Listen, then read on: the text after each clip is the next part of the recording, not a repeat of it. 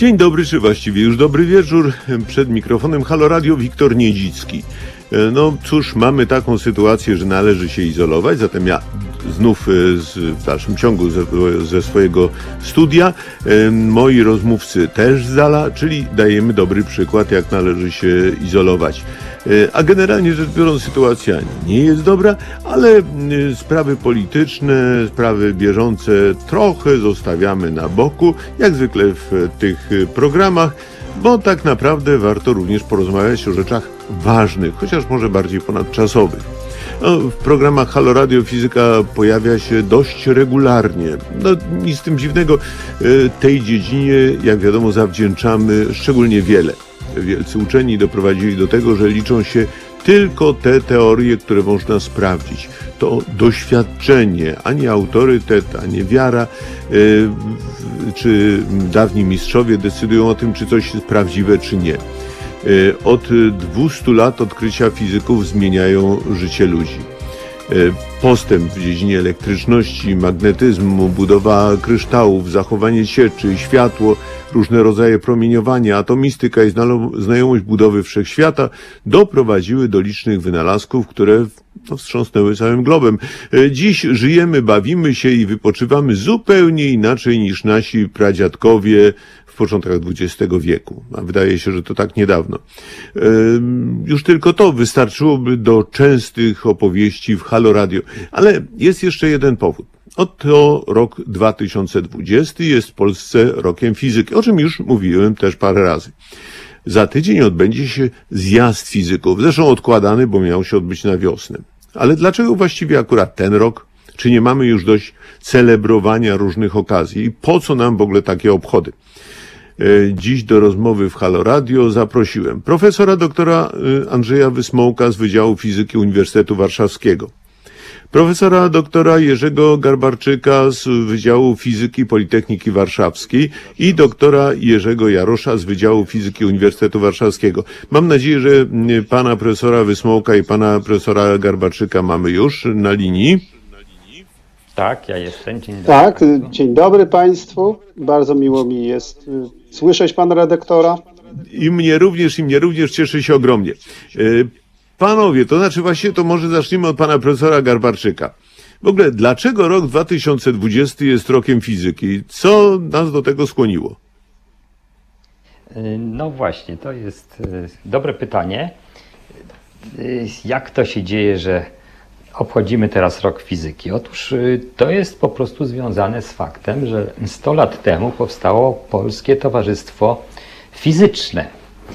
Y, Początki tego Polskiego Towarzystwa Fizycznego były skromne, bo dwa miesiące po odzyskaniu niepodległości w 1919 roku, na początku, y, fizycy warszawscy postanowili utworzyć Towarzystwo Fizyczne. Wtedy była y, jakaś taka moda na tworzenie towarzystw fizycznych, a ona w dużej mierze wynikała z faktu, że no, po prostu Polacy czuli potrzebę manifestowania swojej polskości y, w, w, właśnie w takich niezależnych towarzystwach. Prawda? Ponadto była silna potrzeba, żeby młodzież się kształciła, żeby zdobywała wiedzę, prawda? wbrew rusyfikacji. No właśnie, poza tym no, ci zaborcy nie bardzo pozwalali się organizować, a w każdym razie organizować polskich różnych towarzystw. Wobec tego towarzyszenia, stowarzyszenia yy, najrozmaitsze po prostu, no, ja bym powiedział, rozkwitły.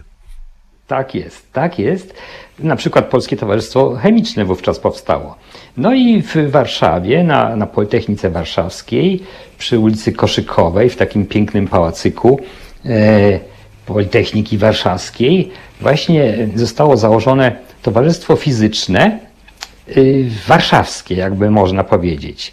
No i przewodniczącym tego towarzystwa był Wierusz Kowalski, uznany Tak, wówczas wybitny fizyk. Tak. Tak, który był y, wcześniej, to ciekawostka, rektorem y, we szwajcarskim Fryburgu. No i on miał takie zdolności organizacyjne. Y, Ponadto ta, ta moda na te towarzystwa wtedy była.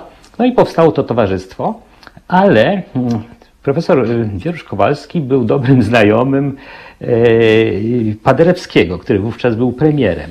No i ponieważ No to to był była wielka taki postać przecież. tak jest, tak jest.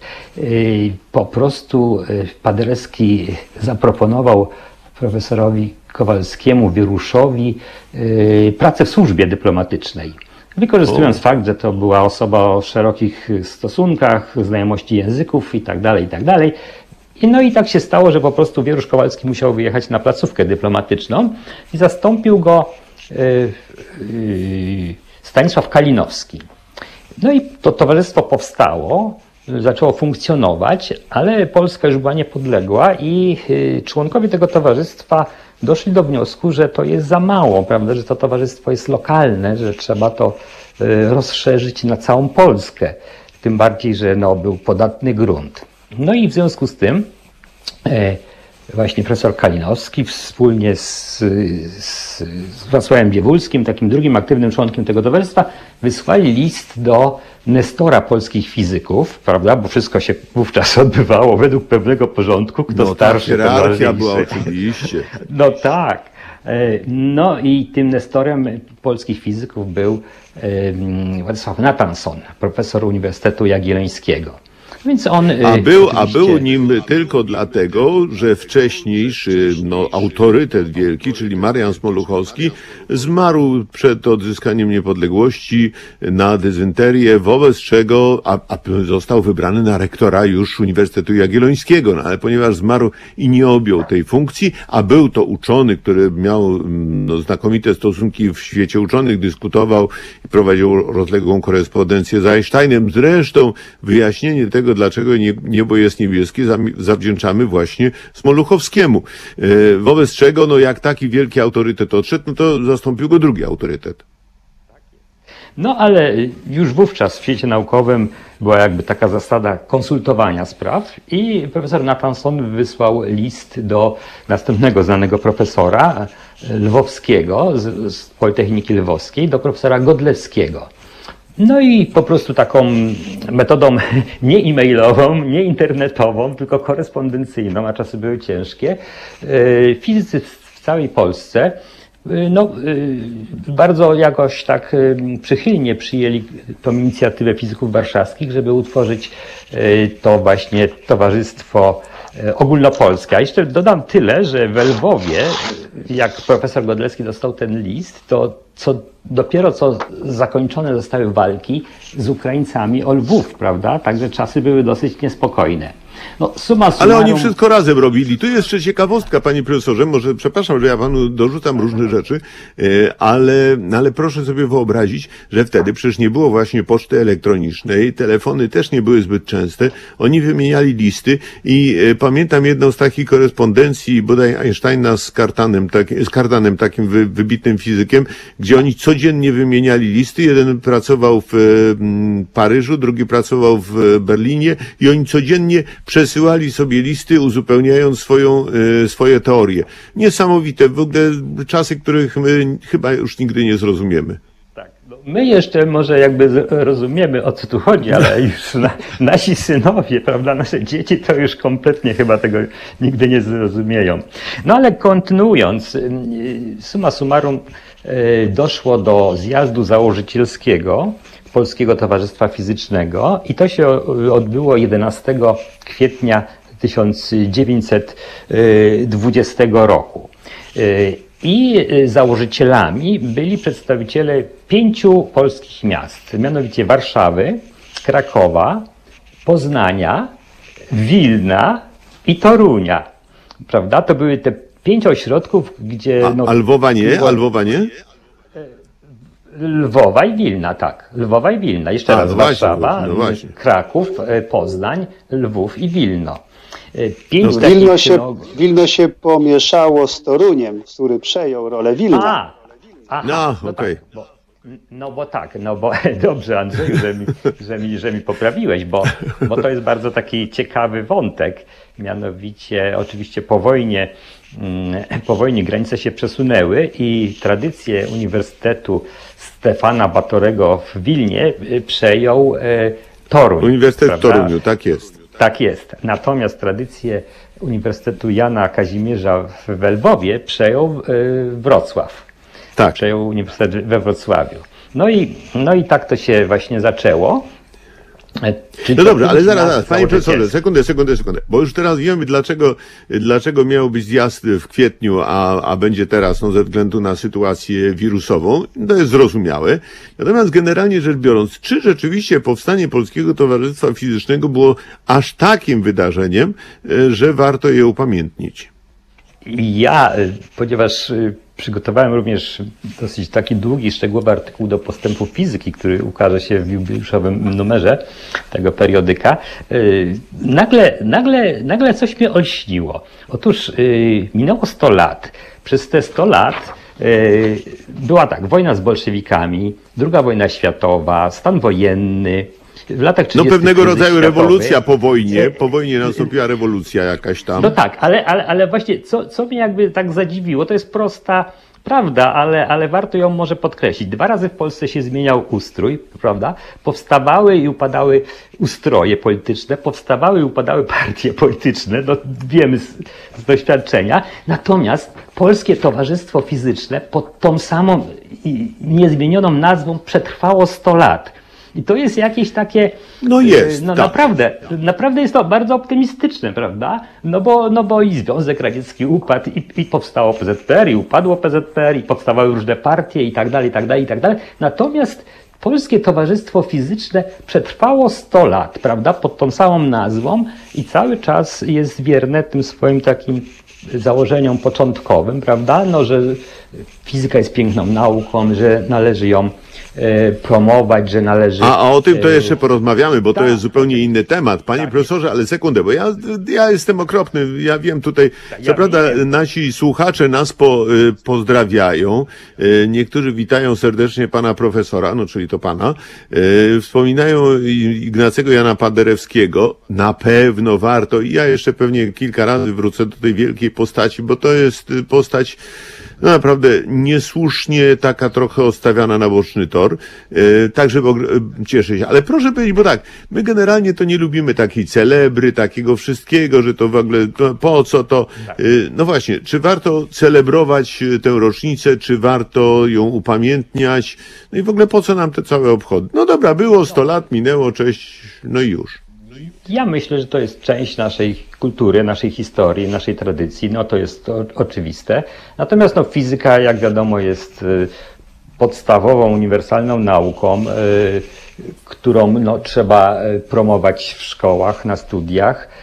Przede wszystkim, tak jak pan redaktor zauważył, z, z fizyki wynika cała nasza cywilizacja. Nie tylko z fizyki oczywiście, ale, ale jest ona podstawą. No z fizyki, z No fizyki, i- panie profesorze, no początki w ogóle myślenia naukowego to jest Galileusz, czyli fizyka. No właśnie, no właśnie. Także, y, także ja myślę, że, że, że tak, że, że warto celebrować. Nie- jest to jakaś taka celebracja na siłę. To jest y, ba- bardzo, wydaje mi się, wartościowa sprawa, że, że takie towarzystwo właśnie w tych naszych dziwnych, niespokojnych, jakichś takich wirtualnych czasach e, przetrwało. Mam nadzieję, że koronawirus też nie, nie, nie, nie, nie, nie, za- nie zabije Polskiego Towarzystwa Fizycznego. No nie, tym, no tym skąd? bardziej fizyki. Raczej fizyka zabije koronawirus. No, y, oby, oby, oby, ale panie profesorze, już, jak już jesteśmy przy tym wirusie, to termin zjazdu fizyków został przeniesiony na październik. No, co to są? Teraz y, już tego zagrożenia nie ma. Słyszymy, że rośnie liczba zakażonych, a panowie sobie organizują zjazd, spotykają się i co? I będzie przyjęcie, bankiet, kawka, pogaduchy i rozpowszechnianie wirusa. Yy, Po, pogaduchy, no, yy, chciałoby się porozmawiać z kolegami z całej Polski. One będą bardzo ograniczone. Yy, Kawki i szampana yy, nie będzie, natomiast Nie, zjazd no. będzie hy, hybrydowy. Zjazd będzie hybrydowy. Pierwszy dzień będzie taki historyczny. Będzie pięć referatów, sześć referatów poświęconych historii. No, pierwszym, najważniejszym referatem będzie referat Andrzeja Kajetana Wróblewskiego. Oczywiście, no jasne, bez tego by się nie obejść Nestora. zjazd. Oczywiście, tak jak kiedyś Nathanson, tak teraz profesora AKW, prawda? Jak pada hasło Tak, AKW, ja to wiem, wiem, wiem, oczywiście, Polsce pamiętam jeszcze docenta, docenta Wróblewskiego, który prowadził z nami Tak. wykłady, wspaniałe zresztą wykłady, no po prostu błyskotliwe, było to raczej bardziej widowisko E, i, i to była rzecz, która mnie przy tej fizyce utrzymała, proszę pana. No właśnie, no właśnie. Oprócz tego bę- będzie, będzie pięć referatów właśnie przedstawicieli pięciu miast założycielskich, znaczy Warszawy, Torunia i y, Torunia i Wilna i tu profesor Szudy z Uniwersytetu imienia y, Mikołaja Kopernika. Później y, będzie referat na temat y, PTF-u w, y, w, Lwowie i we Wrocławiu, profesor Kiejna. Będzie referat profesora Gawlika z Krakowa, który będzie mówił o krakowskim PTF-ie i profesora Drozdowskiego z, z Poznania. Także No, to rewelacja. jest pie- pierwszy dzień. A drugi dzień, ja rozumiem, że profesor Andrzej Wysmołek, mój, mój przyjaciel, na pewno ma wiele do, do, do powiedzenia. Co będzie. co zaraz będzie do tego dojdziemy. dnia. Tak? Dojdziemy do tego. Oczywiście. Dobrze. Ale zaraz, zaraz, zaraz, sekundę. Panie profesor, to może w takim razie powiedzmy tak. No dobrze, byli fizycy znakomici, którzy założyli to Polskie Towarzystwo Fizyczne, ale przecież mieliśmy i i później, i wcześniej też znakomitych uczonych. No bo w końcu Wydział Fizyki Uniwersytetu Warszawskiego powstał chyba staraniem na przykład profesora Stefania, Stefana Pieńkowskiego. Tak jest. To znaczy, no, mm, na carskim uniwersytecie jeszcze w czasach e, rosyjskich no, był Wydział Fizyki. Natomiast tak naprawdę fizyka e, zaistniała w Warszawie na, na uniwersytecie na ulicy Chorzej. E, W 1921 roku, za rok będzie stulecie, staranie właśnie profesora Pieńkowskiego, niesłychanie sprawnego organizatora nauki, powstał właśnie Instytut Fizyki e, Uniwersytetu Warszawskiego. No i profesor Pieńkowski to, to, to, to jest twórca, twórca tego ośrodka, można powiedzieć, i twórca. No dobrze, ogóle- tego pięknego pałacyku, który, panie profesorze, do pana profesora Wysmołka, wyście się pozbyli tego pięknego pałacu i przenieśli się do jakichś super nowoczesnych, y, high-endowych y, budynków. No cóż, y, profesor y, Andrzej Kajetan Wróblewski powiedział, że nie przeniesie się, że proszę mu zostawić na poddaszu jakiś pokoik i on tam będzie. Ale kiedy powstał nowy budynek, to studenci, którzy no, nie wiedzieli, co, jaka historia wiąże się z tym budynkiem, ile tam wspaniałych od- odkryć było, y, przy, przyjęli z radością przejście do nowego budynku, w którym my mamy w tej chwili no, nieporównywalnie lepsze. Nie, no lepsze, do no lepsze, to, to były do żarty, to były żarty. No. i do uprawiania, y, do uprawiania y, nauki. Oczywiście sentyment jest. Każdy, No kto pewnie. przez kilka lat, y, czy nawet więcej był tam, y, to y, pamięta y, no, ten atmosferę, atmosferę, która tam była. Tak. Ale jeżeli się przeniesiemy, teraz przenieśliśmy się na Pastera, to ta atmosfera przeszła z ludźmi. To ludzie tworzą Ale atmosferę. tu I profesor ktoś jest z komentuje. nami. Przeszedł. Tak, wiem, to oczywiście, ale tutaj ktoś e, z naszych słuchaczy komentuje, barak na Chorzej był najlepszy. No nie, no jaki barak, jaki barak. Piękny budynek z kolumnami, z, e, no, nie, nie. w- z portykiem. Chyba- e, z, jak, no, chyba chyba, mowa- chyba, że chodzi o ten, ten pawilon, tak, pawilon. O, chodzi o barak. pawilon, tak, ale No tam pewnie. dlaczego był najlepszy? Dlaczego był najlepszy? No. Bo tam znowu byli ludzie. Tam był właśnie AKW. No ale oczywiście i nie tylko, i była pani profesor Skrzypczak i tam powstała Pani i pani, e, pani Danuta Kiełczeska, e, Tak. specjalistka od neutrin i było wielu, wielu Tak. uczonych. Tam spotykałem profesora Pniewskiego i profesora Oczywiście. Danysza, czyli odkrywców hiperonu lambda, który był kiedyś no, wielkim wydarzeniem w historii fizyki. E, No ale skoro już rozmawiamy o tej historii fizyki, wracam Tak. znowu do pana profesora Garbarczyka. To ja może jeszcze dodam, Do- że tak, to tak, nie tak, jest tak, że, że, że myśmy porzucili. Y, y, Jest plan, żeby ten pałacyk stał się centrum y, edukacyjno-konferencyjnym Uniwersytetu Warszawskiego i żeby tam odbywały się między innymi, oprócz konferencji, między innymi takie wykłady i zajęcia dla szerokiego grona uczniów, ale też, żeby to było miejsce dla Uniwersytetu Otwartego, żeby O, każdy. Z Warszawy, spoza Warszawy mógł, y, no bo to jest w samym centrum, więc łatwo się dostać pociągiem y, do tego miejsca i przyjechać na wykłady. I to jest taka idea, to było w planach dziesięcioletnich. y, Uniwersytet otrzymał środki na to. Mam nadzieję, że to zostanie zre- zrealizowane. Ja jestem, no, mam ogromną nadzieję, że tak się właśnie stanie, że to znowu będzie miejsce, do którego będą przychodzi, będzie przychodzić tak jak przed wojną przychodziło po kilkaset osób na wykłady popularno-naukowe, którzy, które ci wielcy nasi y, fizycy, luminarze prowadzili. Y, Można zobaczyć te listy obecności, które na Ale szczęście piękne. wtedy RODO, RODO nie było, można je zobaczyć. Y, Natomiast to było coś pięknego, że wtedy y, sala, y, ta nasza sala duża, doświadczalna na Wydziale Fizyki, y, y, pęka, wtedy jeszcze nie Wydziale, ale Instytucie Fizyki, y, pękała w szwach. Ale oczywiście, To panie co- profesorze, I bardzo to jest jedna to z rzeczy, i to jest jedna z rzeczy, która przez te 100 lat trwała, była. Cały czas były wykłady, były zajęcia organizowane dla uczniów, organizowane dla szerokiej publiczności, po to, żeby pokazać, że fizyka jest potrzebna, że fizyka pomaga nam zrozumieć świat, że fizyka pomaga rozwijać nowoczesne technologie. A Świetnie, ale panie jeżeli- profesorze, sekundę, jeszcze sekundę, jedno. sekundę. No dobra, no. A propos, tak, tak, tak. Bo to, co jest dla mnie bardzo ważne, to że ko, ta budynek na Koszykowej, w którym w tej chwili mieści się Wydział Fizyki Politechniki Warszawskiej, to jest nasza wspólna kolebka Wydziału y, Politechniki i Uniwersytetu, Wydziału Fizyki. Y, W jednym pokoju, w jednej, y, w jednej sali były prowadzone zajęcia zarówno dla studentów uniwersytetu, jak też Politechniki. Godziny tylko były inne, nie wiem, czy oni się tam mieszali, a tutaj profesor AKW pewnie by to dobrze wyjaśnił, ale było to dla mnie, y, było to dla mnie y, nie- niesamowite, niesamowite odkrycie, że Panie- my w zasadzie ze wspólnego gniazda jesteśmy Tak. i powinniśmy to pamiętać. Panie profesorze, no właśnie, tutaj znów się odwołam do tego, co słuchacze. Ktoś pisze, y, Uniwersytet Otwarty to super realizacja kształcenia ustawicznego i przez całe życie. Oczywiście. Y, drugi Tak. tutaj głos, tak, ludzie tworzą atmosferę. To a propos właśnie tych ludzi. Nawet jak praca jest ciężka, ale ludzie są sympatyczni i współpracują ze sobą, to się pracuje o wiele lżej. No, oczywiście, z całą pewnością.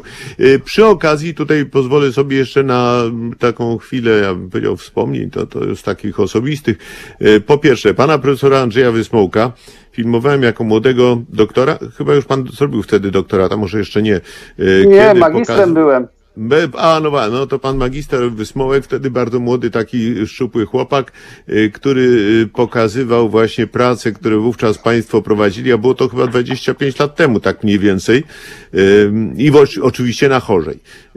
Po drugie, zacząłem tu, no oczywiście to, to, że sam studiowałem na chorzej, to nawet chyba, no nie wypada o tym mówić. Natomiast przypominam tutaj tych uczonych. Ja wspomniałem o profesorze Pniewskim, o Danyszu, o tym, że kiedyś, y, zaraz na samym początku studiów, jak byłem na pierwszym roku, to tak na parterze drzwi były uchylone do jednego z y, pomieszczeń i ktoś mi powiedział, ty, słuchaj, tam pod oknem to siedzi profesor Infeld. No siedział jakiś taki dosyć zwalisty gość pod oknem y, i tyle widziałem profesora Infelda, wybitnego ym, fizyka, który razem z Einsteinem napisał książkę o, książeczkę, no taką wy- wyjaśniającą prosto podstawy teorii względności. Mm, Ale jeśli chodzi o tych, o tych wielkich uczonych, tutaj wspomniałem również innych, o znakomitego, znakomitych fizyków, którzy potrafili robić piękne pokazy, doświadczenia. Tu może jeszcze warto może powiedzieć o takiej rzeczy, że te doświadczenia i te pokazy takie publiczne, to się wzięły z tego, że kiedyś y, Michael Faraday prowadził takie wykłady świąteczne, zresztą przez y, ileś lat. Y, Te wykłady Historia Świecy zostały wydane, są to wręcz przykładem znakomitej popularyzacji i na tym właściwie wszyscy popularyzatorzy mogą albo powinni się wzorować, bo jest na czym. Y, Natomiast, y, natomiast wielkich uczonych, No znów y, to wspomnę tutaj wielką postać profesora Szczeniowskiego. Pamiętam, że kiedyś jeszcze udało mi się nagrywać to. Akurat profesor Szczeniowski był na Politechnice, ale był członkiem Polskiego Towarzystwa Fizycznego i wówczas opowiadał mi, to były lata 70., jak przed wojną, czyli jeszcze wtedy nie tak daleko, jak przed wojną y, brał udział w realizacji wspaniałego, jakby to powiedzieć, eksperymentu, mianowicie balon stratosferyczny Gwiazda Polski. No i to y, ten balon miał wzlecieć, y, raz go zniszczyła burza w Dolinie Chochołowskiej, no a potem wybuchła wojna, już się wszystko skończyło. Nic nie pokręciłem, panie profesorze, panie y, profesorze Jerzy? Tak, no jeżeli możemy ten wątek trochę ro- rozwinąć, Tak. to może bym tutaj dodał parę szczegółów. Otóż y, teraz jesteśmy zafascynowani i słusznie jakimiś takimi ta współpracą międzynarodową, prawda? Tak. Fale grawitacyjne i, i neutrina, no to wszystko są wielkie projekty międzynarodowe. No, przed wojną y, może tak nie było. Oczywiście była współpraca międzynarodowa, ale nie na taką skalę. I takim czysto polskim e, projektem był projekt właśnie balonu, który się nazywał Gwiazda Polski. To był balon, e, który miał się udać do stratosfery. Wtedy była też moda na takie loty balonowe. E, Takim, taką gwiazdą, można powiedzieć, tych lotów balonowych był szwajcarski fizyk e, Auguste Piccard, który nawet był zaproszony do Polski, kilka razy był zapraszany. No i y, w środowiskach wojskowych, bo nie wiem, czy, czy, czy to jest powszechnie wiadome, że przed wojną były wojska balonowe w Legionowie pod Warszawą. Otóż w środowiskach wojskowych zrodził się projekt, y, projekt y, pobicia rekordu świata właśnie w takim locie stratosferycznym. Y, Mierzono na 30 kilometrów, prawda? Chciano się wzbić na wysokość 30 kilometrów. A mm, i wojskowi przyszli do Wolfkego, ponieważ Wolfke był autoryt, absolutnym autorytetem naukowym w Warszawie i w Polsce wówczas. Profesor Pieńkowski był organizatorem, był twórcą szkoły fizyków, y, był wybitnym organizatorem. Natomiast y, Wolfke z kolei był, y, był genialnym fizykiem, mówiąc krótko. No i zwrócono się do niego z prośbą o patronat powstała Rada Naukowa, gdzie właśnie był profesor Szczeniowski, profesor Adam Mięsowicz, kilku jeszcze innych y, fizyków, a profesor Wolfke był przewodniczącym właśnie Rady Naukowej. No i on powiedział, no słuchajcie, no rekord rekordem, ale wiadomo, że skoro macie się wznieść na taką wysokość, to warto by zobaczyć, co to jest to promieniowanie kosmiczne. Ko- Promieniowanie kosmiczne było wtedy też bardzo tak na topie, że tak powiem. Y, Nieznane, tajemnicze i tak dalej, i tak dalej. No i mm, powstał bardzo ambitny projekt i wszystko było robione w Polsce. Wszystko było robione w Polsce. Był patronat chyba nawet prezydenta Mościckiego, a prezydent Mościcki to miał wielkie serce dla spraw, dla spraw naukowych, bo sam był wybitnym przecież chemikiem. No i to y, był taki projekt y, z rozmachem. Y, To był projekt z rozmachem. No i tak jak pan redaktor wspomniał, wybrano Dolinę Chochołowską, Polanę Chochołowską na miejsce startu. Widocznie ta wysokość początkowa miała tu, tu znaczenie. No i mm, y, balon napełniano w- jesienią wo- wodorem, niestety wodorem. Napełniano go wodorem i, tak się akurat stało, że był halny. No, to w zasadzie było chyba do przewidzenia, że mógł być halny. Nie wiem, to, to może była taka troszeczkę wpadka organizacyjna. W każdym bądź razie ten halny powodował, że ten balon zaczął się tam strasznie niestabilnie zachowywać i wypuszczono część wodoru, y, co po- spowodowało, że te powłoki, y, powłoki te, tego, tego balonu zaczęły po prostu trzeć o siebie. I w wyniku tarcia powstała iskra elektryczna i, i wodór się zapalił. No i nastąpiła taka eksplozja, to może za dużo powiedziane, ale, ale, ale, ale coś takiego było, która spowodowała niestety zniszczenie tej powłoki. A muszę dodać, że ten balon miał unieść kapsułę i to też jest dosyć ciekawa rzecz. Kapsuła miała średnicę dwóch metrów i w tej kapsule mieli się pomieścić, yy, miało się pomieścić dwóch ludzi, mianowicie yy, Konstanty Narkiewicz-Jotko, fizyk, ale przede wszystkim jego, jego powołaniem były chyba góry. On zdobył na przykład Aconcagua w Wandach. Był znanym taternikiem i alpinistą, więc ten Konstanty Narkiewicz-Jotko i wojskowy kapitan Zbigniew Burzyński, który miał duże osiągnięcia właśnie w takich lotach balonowych, puchary Gordona Beneta i tak dalej, i tak dalej. I ta dwójka w tych ciasnych warunkach miała być w tej kapsule, która miała być wyposażona w czujniki promieniowania właśnie kosmicznego, różne detektory Czyli byli tak dwaj dalej. prawie kosmonauci. Pra, dwaj prawie kosmonauci. Tak jest. A mm, pozostali członkowie Rady Naukowej y, tego projektu, profesor Mięsowicz, Jerzewski i inni, po prostu konstruowali te liczniki. No i w wyniku tej ek- eksplozji, y, że tak powiem, y, powłoka się spaliła, liczniki się zachowały. Mm, Straty nie było tak, y, znaczy było to spektakula, spektakularna taka jakby no, porażka niestety tego projektu. No piękna E, mu- katastrofa. tak, piękna katastrofa. Mówię o tym dlatego, że Wolfkę miał wielu e, wrogów i, i e, wielu było przeciwników tego projektu. E, I to ich bardzo ucieszyło, że to się tak zakończyło. Ale to jest zupełnie inna historia, takie polskie piekiełko, prawda? To jest zupełnie No tak, sprawa. oczywiście. Panie profesorze, ja proponuję tak. Wrócimy za chwileczkę do rozmowy. Tak, dobrze, oczywiście. Y, Ja proponuję, że teraz zrobimy chwilę przerwy, bo tak mi realizator sygnalizuje, że jest konieczna, a po y, kilku minutach wrócimy z powrotem do tej rozmowy. Y, Także zapraszam Państwa do rozmowy, zostańcie z nami, jak to mówią w innych programach, a spotkamy się za kilka minut. Słuchajcie powtórki programu.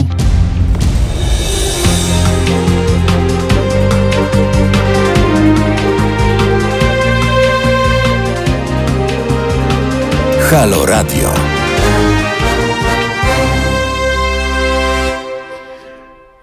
Jeszcze raz dzień dobry, Wiktor Niedzicki przed mikrofonem Halo Radio. Rozmawiamy o roku fizyki i o stuleciu Polskiego Towarzystwa Fizycznego. E, Pan profesor e, Jerzy Garbarczyk e, mówił tutaj o różnych znanych, sławnych postaciach wielkich fizyków. Panie profesorze, kogo by pan tak jed- od razu strzelił? Największy polski fizyk. No, to jest pytanie bardzo trudne. No. Niewątpliwie e, mówiąc o tych największych fizykach, znaczy rozumiem, że Maria Curie-Skłodowska jest jakby No nie, no to- to zakładam tak. To jest chemiczka, tak. Y, Bardzo często mówi się, że to Marian Smoluchowski. Y, ale również mówi się Mieczysław Wolfke, prawda? Y, który uznawany jest za prekursora holografii, za współodkrywcę nadciekłej odmiany helu. Y, Te dwie osoby mi się jakby kojarzą. No jest jeszcze oczywiście Czochralski, który nie był fizykiem, był metalurgiem, ale jest bardzo znany na świecie e, ze względu na to, że no on e, odkrył tą genialną metodę e, syntezy mm, prawda, mm, monokryształów met- metali. E, Także no, te trzy osoby, no Czochralski nie jest fizykiem, prawda? Był No tak, tak, tak. No dobrze, ale Jeszcze?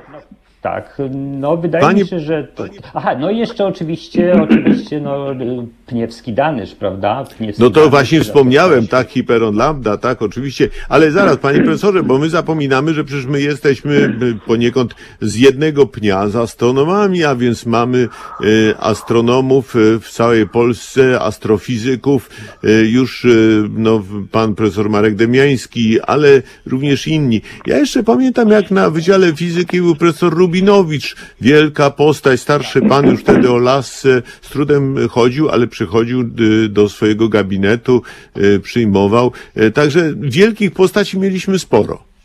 Tak, Aleksander Jabłoński. O, właśnie. No ale to wcześniej. który- tak. A przy prawda? okazji Aleksander No. Jabłoński, który był równocześnie skrzypkiem i y, ponieważ nie zarabiał kiepsko na uniwersytecie, to grał w Teatrze Wielkim w orkiestrze. No proszę. No tak. A oprócz tego Aleksander Jabłoński ma świetlaną przeszłość wojenną. Z całą armią Andersa przeszedł szlak i, był bardzo dzielny na wojnie. Natomiast no, to pytanie, kto jest największym, to jest bardzo, bardzo, bardzo trudne. Zwykle, jeżeli mówimy, to, to nie myślimy o ży- żyjących, prawda? No bo tu, tu, tu od razu się rozpętuje dyskusja i tak dalej. Nie, nie, nie, o- O to. nieżyjących. E, Profesor Rubinowicz jak najbardziej. Profesor Jabłoński, tak, jak najbardziej, Dany Szpyniewski, no i te dwie postacie wcześniejsze trochę, to znaczy Smolchowski i, Wolfkę. E, No dobrze, profesor panie profesorze. Był ge, geni- A, no i jeszcze Infeld oczywiście też. e, No tak, to też wspomniałem. tak. Ale y, wie pan, to może tak, y, trochę odwróćmy sytuację. No mamy generalnie dosyć trudny czas. Y, Wiele osób jest zestresowanych wirusem, pandemią, ludzie tracą pracę. No jest sytuacja, mówiąc szczerze, niewesoła. Czy warto dodatkowo ludzi jeszcze męczyć fizyką? No może pan Andrzej coś powie na ten temat. Wydaje mi się, że to męczenie fizyką to jest e, coś, co, nas, co jest naszym e, takim fatum. Jak jadę z pociągiem i przedstawię się jako fizyk, e, no to jest dramat, bo Ja wiem, jak ja nie lubię odsuwają. fizyki, tak. Boże, to był koszmar jakiś w szkole. Bardzo rzadko zdarza się ktoś, kto powie: Ach, ja miałem wspaniałego nauczyciela, który na zajęciach robił takie świetne doświadczenia. Y, Mnie się wydaje, że właśnie to jest to, że w szkole brakuje doświadczeń. Y, Wydaje mi się, że czasami po prostu zapada nam w pamięć jakieś wyjątkowe doświadczenie. Kiedyś słyszałem takie taką opowiastkę o tym, jak to pewien angielski uczony robił doświadczenia. To były akurat doświadczenia z chemii, ale wyobrażam sobie, że z fizyki można podobnie. Y, Kochani uczniowie, stańcie sobie przy ławkach, przyszykujcie sobie tam pojemniki, y, wrzućcie kawałek sodu do wody i uciekajcie. Więc to ja bym tego tak nie zrobił, prawda? Ale po prostu to, co się dzieje na lekcji, na przykład magnes spadający w rurze, czy też pokazanie tęczy, czy też pokazanie chociażby y, tego, jak działają przystawki, którym, którymi nosimy, za pomocą których nosi się szyby i czy rzeczywiście to są przystawki, czy też pomaga nam y, ciśnienie atmosferyczne. Wydaje mi właśnie, się, że to właśnie jest to, co sekundę. mamy zrobić. No właśnie, ale przepraszam bardzo, ja pamiętam z y, wykładu właśnie wspominanego tu wcześniej profesora Wróblewskiego y, to doświadczenie z rurą próżniową, którym, y, w której spadało mm, piórko i jakiś korek i jeszcze jakiś tam, jakaś kulka, no i one wszystkie razem spadały, a jak się puściło powietrze, to piórko oczywiście spadało najwolniej. Czyli powtórzenie doświadczenia Galileusza po raptem ilu tam 400 latach, ale, ale wrażenie było ogromne. Pamiętam, że profesor Wróblewski dostał owację na stojąco wtedy, bo tak się to wszystkim podobało. No niby wszyscy wiedzieli, że tak ma być, ale co innego jest wiedzieć, a co innego zobaczyć. Ale ja sądzę, że o tym, o tych lekcjach... To jest właśnie to, to jest właśnie to, y, o czym pan redaktor mówi. Niezależnie od tego, jaka, czy się pamięta wyjaśnienie tego, zwykle się pamięta, ale pamięta się ten efekt i to jest dobre wrażenie, bo na co dzień, po, jeżeli ktoś nie jest fizykiem zawodowym, nie uczy fizyki w szkole, y, to ta fizyka potrzebna jest mu do tego, żeby poruszać się y, w tym świecie, w którym żyjemy Rozumieć świat, i, rozumieć i świat. rozumieć świat y, i być przekonanym, że to, co się dookoła nas dzieje, to można racjonalnie wyjaśnić. Nie trzeba, nie wiem, krzyżować palcy, czy też robić trzech obrotów, żeby tę rzeczywistość zaczarować, tylko szuka się racjonalnych wyjaśnień. I od tego jest właśnie fizyka.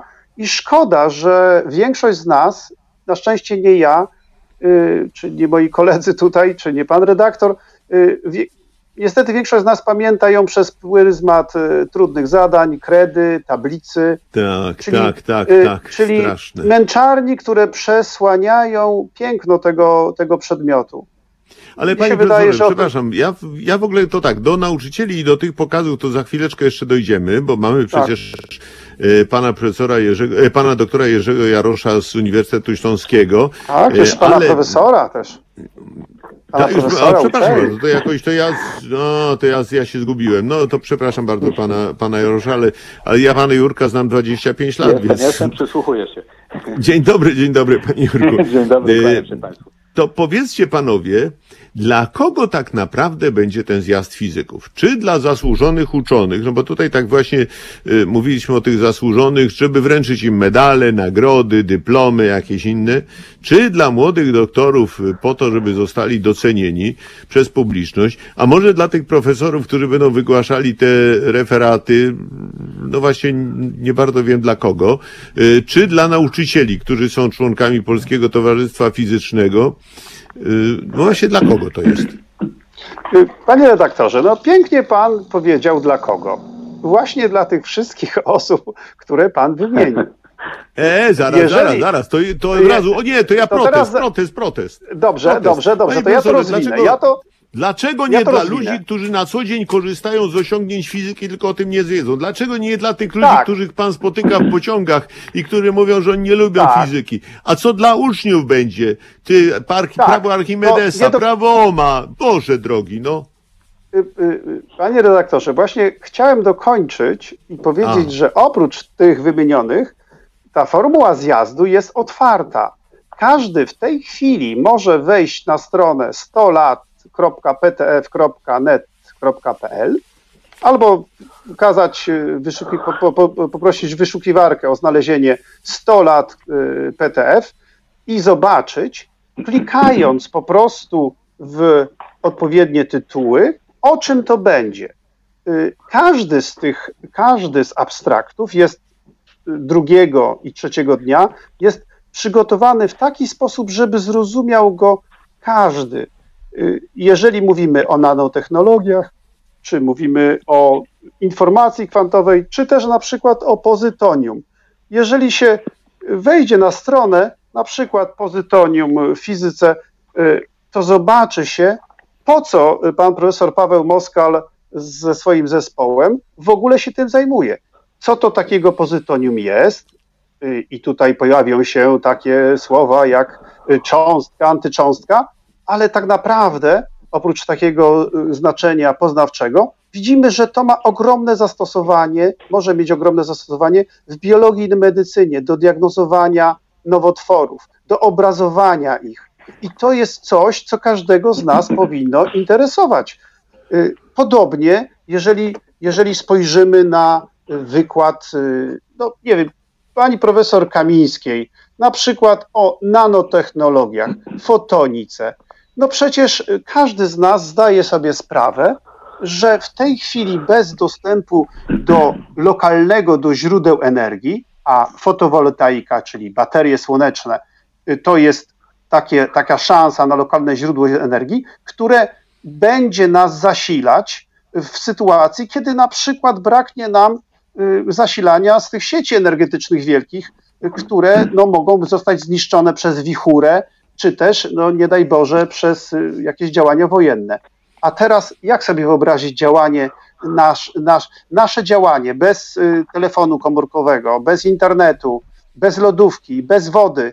To wszystko No tak. możemy uzyskać dzięki nanotechnologii. I teraz, jeżeli wyjdziemy sobie na ten wykład, to zobaczymy, o czym to będzie, że y, nie tylko źródła, ale też trzeba wiedzieć, jak magazynować tę energię, jak sprawiać, żeby świat był y, y, dla nas lepszy, żeby nam się lepiej żyło, a jednocześnie, żebyśmy dbali o, y, o naturę, o to, co nam zostało dane, a niestety bardzo skutecznie to niszczymy. Czyli to jest dla właśnie ta formuła, powiem tak, każdy będzie mógł obejrzeć na YouTubie transmisję ze wszystkich, z całego zjazdu. Wystarczy się, wystarczy wejść na naszą stronę, na stronę zjazdu i ona będzie dostępna. Będzie też, y, będzie też można skontaktować się, będą tam informacje o tych y, y, prelegentach, będzie można się z nimi skontaktować bezpośrednio, żeby potem zapytać o coś. To jest ważne wśród fizyków, jeszcze nawiązując do tych takich przedwojennych czasów. Ja no już zacząłem studiować znacznie później, w wyniku udziału w Olimpiadzie Fizycznej, to jest na inną historię, na inną y, y, audycję y, temat, ale kiedy wszedłem na Wydział Fizyki, to miałem wrażenie, że każdy, że mogę każdego zapytać, i poprosić o pomoc, że mogę go w zasadzie złapać za rękę i powiedzieć, panie profesorze, panie doktorze, panie magistrze, ja tego nie rozumiem. I atmosfera na tej, na tej uczelni była tak, na tym moim wydziale, moim wydziale, cały czas to, to y, jakby y, tkwi we mnie, była taka, że ja nie bałem się tego, że ktoś wyśmieje mnie, że zadam jakieś głupie pytanie. Zwykle słyszałem tak, to prawda, od to- moich to, to, mistrzów, prawda rzeczywiście. nie ma można było- głupich pytań, są tylko głupie odpowiedzi. I teraz, E, proszę Racja, Państwa, słusznie. wejdźmy na stronę. Niestety, no tak się stało, że nie możemy Was przyjąć, Państwa przyjąć na Wydziale Fizyki. Szykowaliśmy się, żeby było dostępne kilkaset, kilkaset miejsc. No, nasze, nasze połączone sale mogą chyba nawet do 800 y, y, osób pomieścić. Myśleliśmy o tym. Niestety będzie to za pośrednictwem internetu, ale staramy się, żeby ta transmisja była wysokiej jakości, żebyście nie mieli dyskomfortu oglądając, słuchając tego. I mam nadzieję, że y, to, nawet jeżeli mieliście Halo?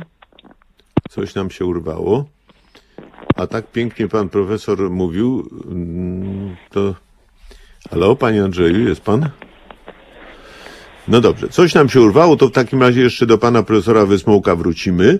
E, Natomiast, natomiast, proszę państwa, generalnie rzecz biorąc, o to właściwie, to może pan, pan Jurek, czyli pan, e, pan... e, Tak, najbardziej tak, ja powie- jestem na łączach. Ja pan- pan Aha, jest na- przepraszam. tak. Mamy dwóch Jurków. Tak, przepraszam najmocniej. No Tak, no oczywiście, tak, tak, tak, tak, przepraszam bardzo. Natomiast, natomiast ja chciałem tutaj, nawet wypisałem sobie taką listę, że Marian Smoluchowski, Wolfke, Pieńkowski, Infeld, Dany Szpniewski, profesor Adam Sobiczewski, Bogdan Paczyński, a z żyjących Tomasz Dietl, Aleksander Wolszczan, Andrzej Udalski. No i to można by tych wybitnych fizyków i astrofizyków wymieniać, ale y, żaden z naszych uczonych nie zdobył Nagrody Nobla. Właściwie dlaczego? Nie umiemy o nich walczyć?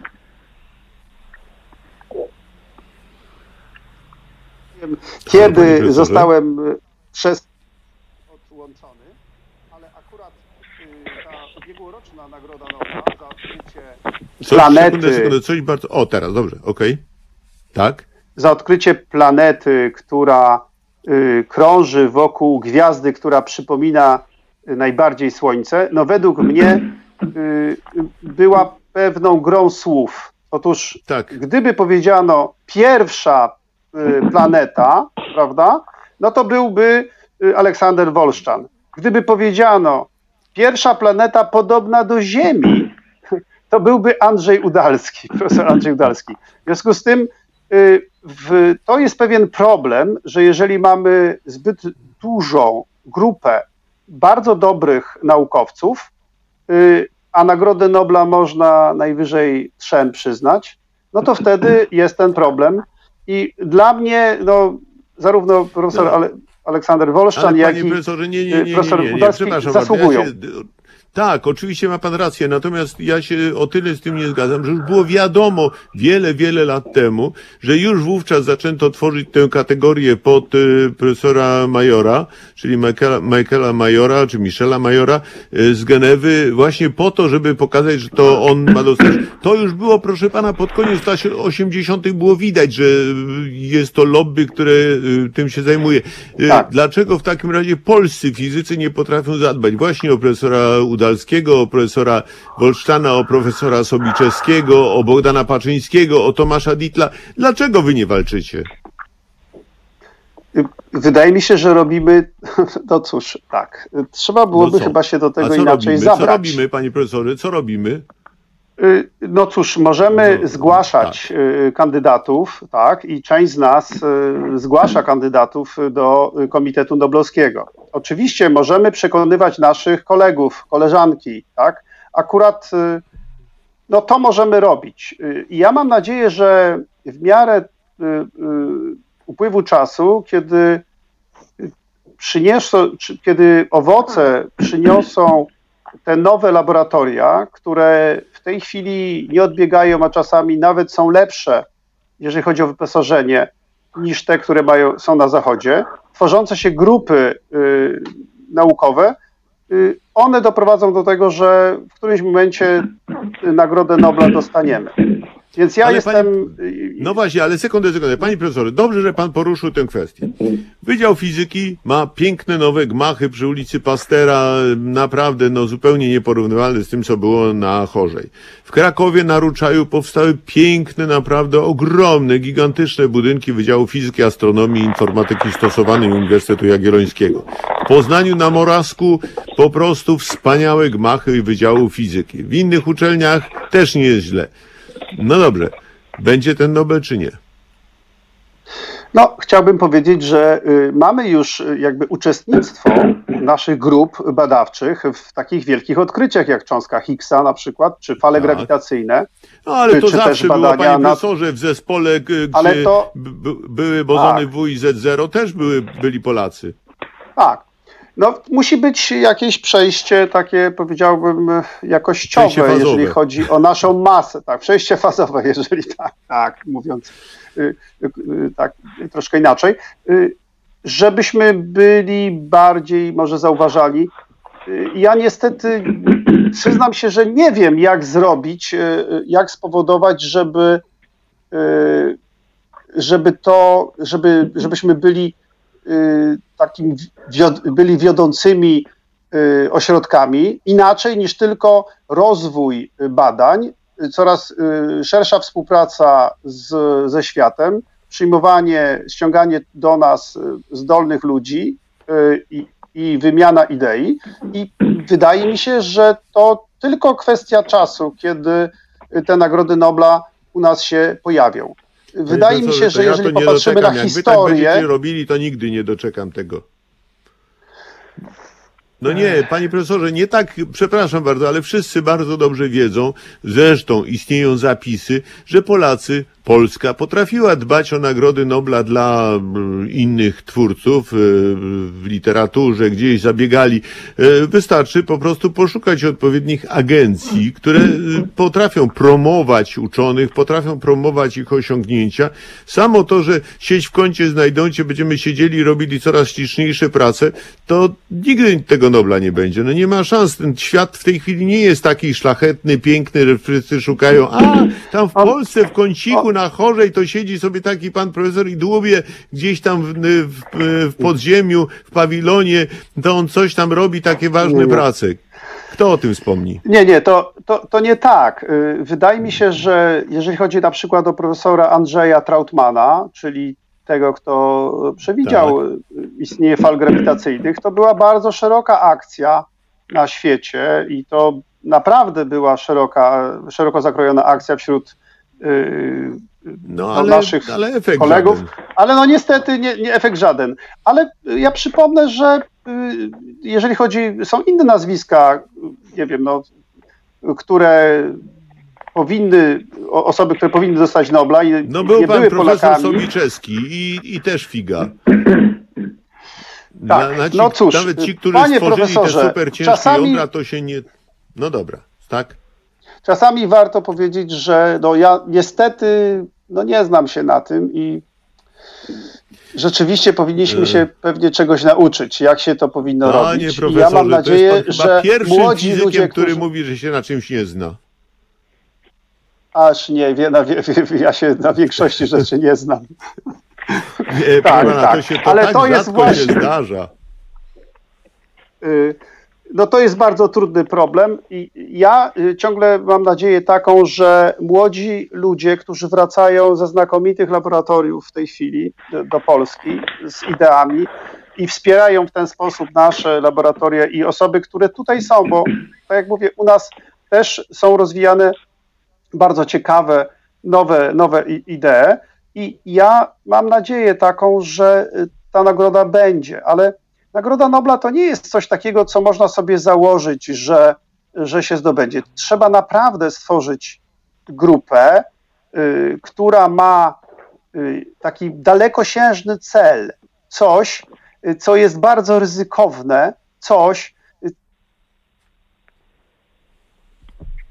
Znowu nam coś przerwało.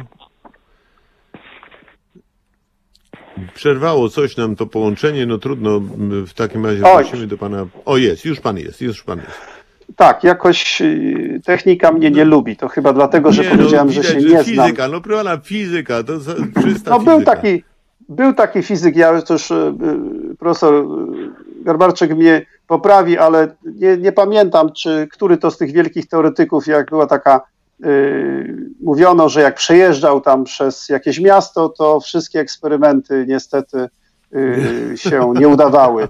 Ja już nie pamiętam, To czy to chodziło o Diraka. Nie wiem, czy to Pauli. o Pauliego. No właśnie, wrażenie, Pauli, tak. Pauli, tak.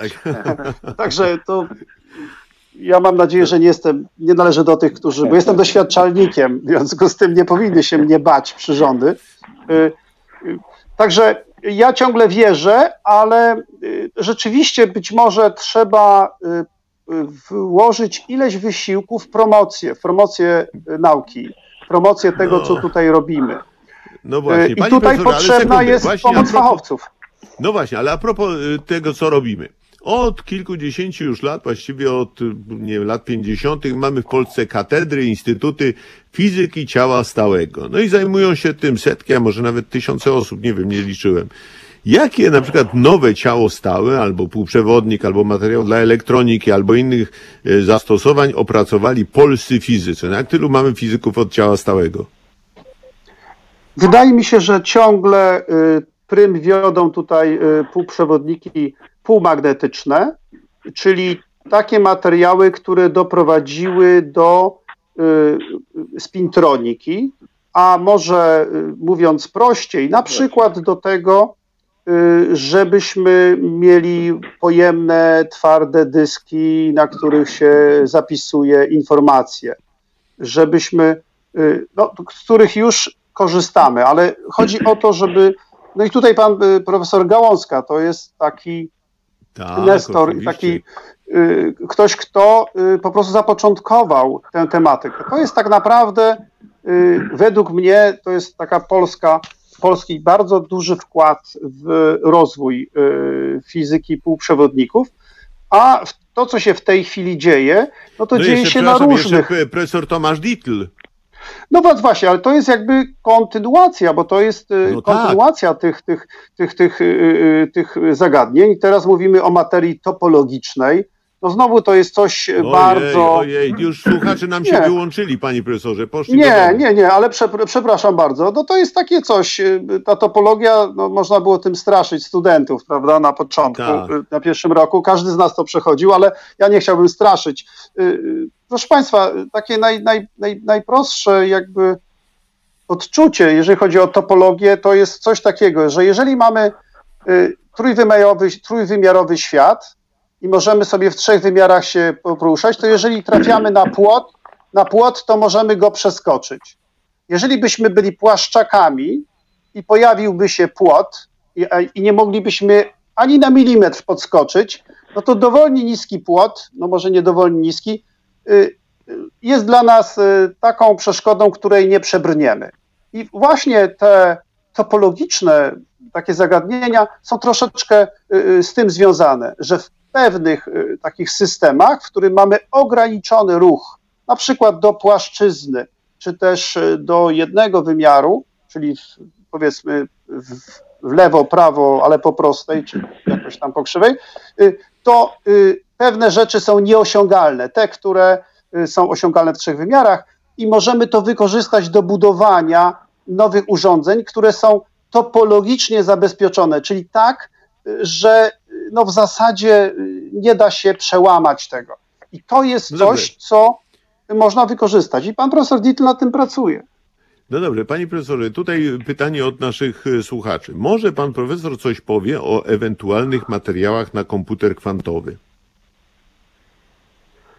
Y, tak. y, no właśnie, to, to jest jeden z przykładów tak, takiej Aha. y, manipulacja, manipulacja pojedynczym spinem, czyli bowiem mamy na przykład układ kropek kwantowych, w których Tak. możemy światłem adresować informacje, przełączać te namagnesowanie, mówiąc najprościej, magnes w górę, biegun N w górę albo w dół i, i potem odczytywać to. Y, y, Można też myśleć o takich materiałach, jak y, to profesor Wasilewski się zajmuje, czyli powiedzmy w, w gazie mamy po prostu możemy zapisywać informacje po prostu w cząsteczkach i potem odczytywać ją. Więc to jest, to jest coś takiego, no jak mnie się to jakoś tak kojarzy z takim bardzo, y, bardzo smutną sceną, prawda, y, komputer HAL, prawda, który y, prawda, Odyseja kosmiczna, tak? A, a no tak, no tak. tak? I tam były takie, takie rdzenie, które się wkładało, optyczne. W tej chwili, jeżeli mówimy o takim y, y, komputerze kwantowym, to raczej myślimy o y, używaniu bardzo małych obiektów, na przykład, y, no właśnie takich kropek kwantowych, czy też, no właśnie, pojedynczych molekuł do zapisu takiej informacji. Ale to jest wiele takich możliwości. Jasne. E, Bardzo panu dziękuję. Na razie. Znów e, zrobimy krótką przerwę, bo słyszę tam, że są drobne problemy z połączeniem. Za chwilę do państwa wrócimy. Zostańcie państwo z nami. Rozmawiamy o fizyce, o roku fizyki, o osiągnięciach polskich fizyków e, i o tym, no właśnie o zjeździe Polskiego Towarzystwa Fizycznego, który się odbywa za niecały tydzień. A więc zostańcie państwo z nami. Teraz chwila przerwy. Słuchajcie powtórki programu.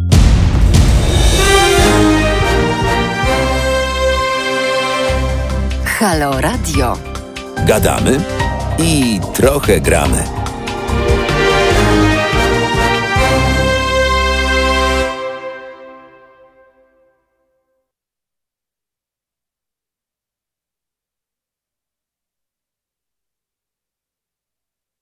I oprócz tego rozmawiamy o zjeździe Polskiego Towarzystwa Fizycznego, który już zaczyna się za kilka dni. I rozmawiamy w ogóle o fizyce, o wielkich fizykach, o ich wielkich osiągnięciach, o tym, co z tej fizyki mamy teraz e, i o wielu innych rzeczach.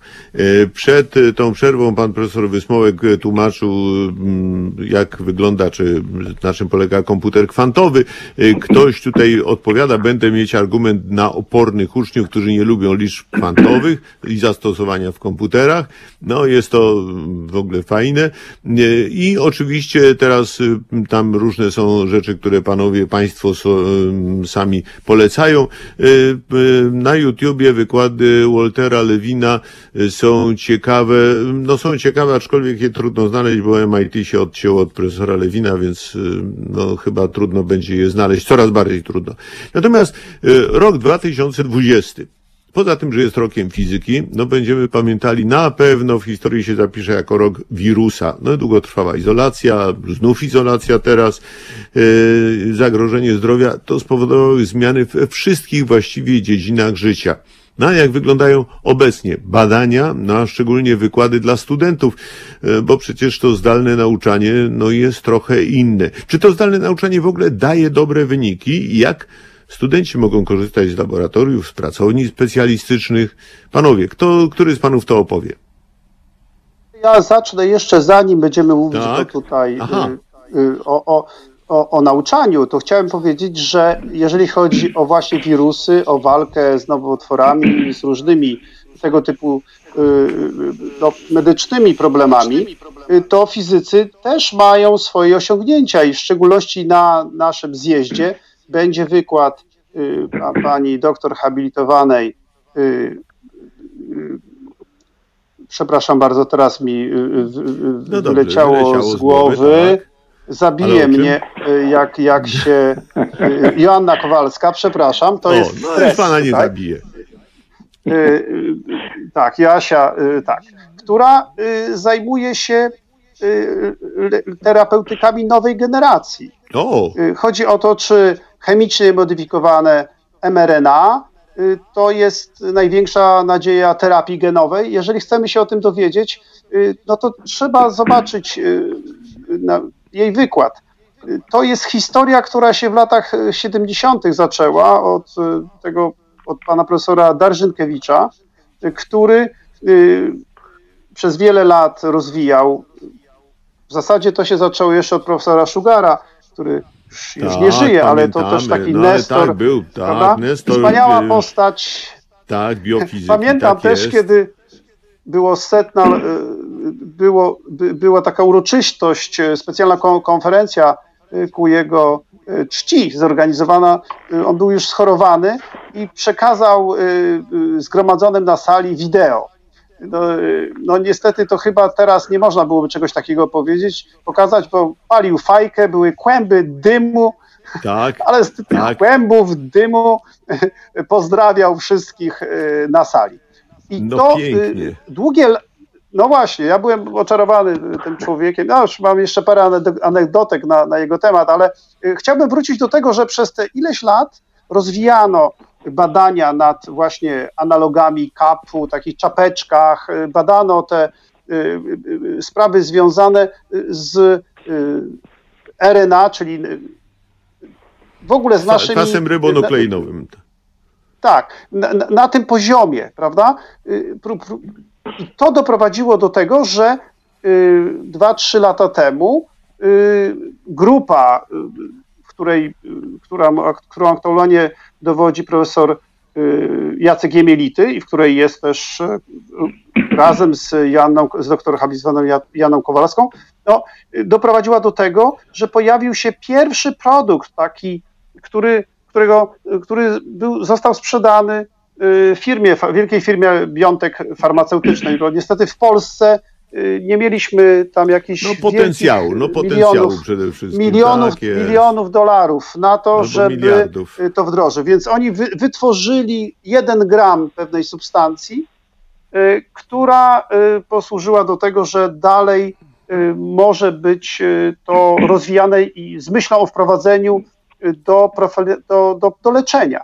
I Ja właśnie, jeżeli chcecie się Państwo dowiedzieć o tym, to Tak. trzeba tutaj. I to jest jakby y, fizyka wchodzi w różne, w różne nauki, w chemię, No, panie profesorze, biologię. mamy profesora Hołysta w Warszawie na Politechnice Warszawskiej, gdzie, który zajmuje się i ekonomią, i, i najrozmaitszymi rzeczami. Mamy pana profesora Drożdża w e, Krakowie, który z kolei analizuje nawet dzieła sztuki, proszę pana, z punktu widzenia fizyki i ma Tak. bardzo ciekawe rezultaty. Czyli jak widać, ta fizyka wszędzie się przydaje. No. Ale, ale sekundę, bo ja muszę wrócić do tego. Po pierwsze, jak to zdalne nauczanie? Bo y, muszę tutaj wprowadzić Mhm. jakiś porządek. Jak z tym zdalnym nauczaniem? Jest dobrze czy źle? Na, y, chcemy uniknąć tego jak, y, jak tylko możliwe. No, Jak tylko możliwe. Pierwszy rok na, na Wydziale Fizyki y, Uniwersytetu Warszawskiego, cały pierwszy rok będzie miał y, nauczanie y, kontaktowe. Studenci O. będą mieli z nami kontakt, y, bo stwierdziliśmy, że dla nich, studentów pierwszego roku, to już jest i tak ogromny szok, kiedy muszą przejść ze szkoły y, średniej, z liceów czy z techników i przyjść na uczelnię i zacząć się w nowy sposób uczyć. I y, kończyli swoje, swój ostatni rok nauki na nauczaniu zdalnym i zaczęcie uniwersytetu czy uczelni od nauczenia zdalnego według nas byłoby bardzo złe, dlatego będziemy się starać, żeby oni wszyscy mieli zajęcia y, w formie kontaktowej, natomiast wszystkie starsze roczniki będą miały y, zajęcia głównie zdalne, co umożliwi stworzenie przestrzeni y, na to, żeby ci pierwszoroczniacy mogli w warunkach, przy spełnieniu warunków sanitarnych, sanitarno-epidemiologicznych studiować. Oczywiście y, y, kontaktowe będą wszystkie pracownie. No pracowni nie da się no przeprowadzić. nie, nie da się, nie. W większości Chociaż się nie, da nie, kiedyś, kiedyś były takie pracownie na Politechnice Warszawskiej, to pan y, doktor y, Grabski Tak. y, prowadził, które zdalnie można było wykonywać eksperymenty, pomiary i to nawet, nawet całkiem dobrze wyglądało. Tak, część takich rzeczy można robić, ale jeżeli ktoś ma zestroić laser, czy że ktoś No tak. ma, y, y, przepraszam bardzo, y, wykonać y, własnoręcznie mieszaninę jakiegoś barwnika, który będzie służył potem y, do, y, do badań, czy też próbkę włożyć do kryostatu, no tego się nie da zrobić y, po prostu zdalnie. Ktoś musi to zrobić i to jest pewna umiejętność, y, na przykład włożenie próbki y, do kryostatu, odpompowanie, wytworzenie próżni, potem schłodzenie No i tak, używanie tak, ciekłego tak. helu. To są takie rzeczy, których się nie da nauczyć. To jest troszeczkę tak jak pytanie, czy pan potrafi grać na fortepianie. No nie wiem, jeszcze nie próbowałem. Dobrze, bardzo ładne. E, Ale przepraszam bardzo, bo teraz e, tak, po pierwsze zagadaliśmy pana e, doktora, nie, profesora Jurka Jarosza, Tak, a tak. wspomniałem o nauczycielach. Panie Jurku, mam nadzieję, że jesteśmy i się słyszymy. Mm, tak, halo? tak, słyszę. No właśnie, panie Jurku, no przecież pana zagadali, no ci dwaj, zresztą skąd przemili rozmówcy.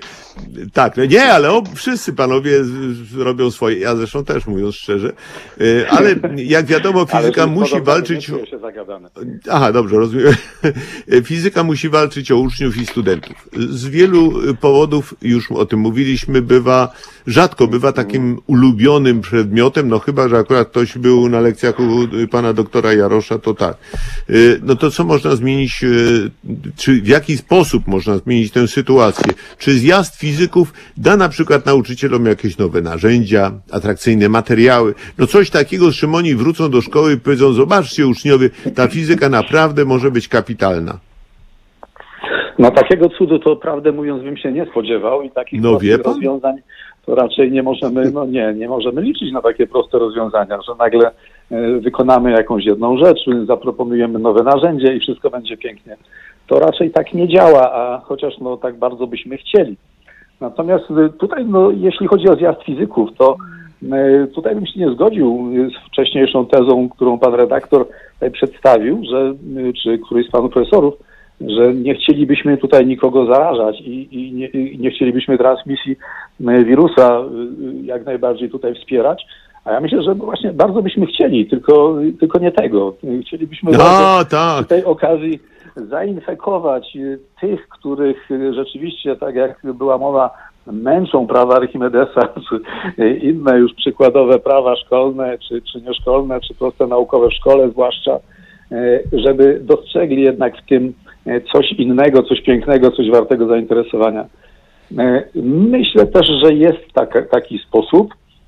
Nie, nie jest on wcale prosty, ale jest to w pewien sposób niezawodny. No, Od dawna dyskutuje się bardzo dużo o tym, jak należy prowadzić e, zajęcia w szkole, w jaki sposób młodzież powinna do tego podchodzić, czy to mają być e, taka metoda, czy taka metoda dydaktyczna. E, I to oczywiście jest bardzo ważne, bo pewne, pewne działania nie, niewłaściwe można również wykonywać, które nie będą promowały, a wręcz przeciwnie, mogą przedmiot pogrążać. Ale myślę, że jedna jest taka naprawdę bardzo ważna rzecz.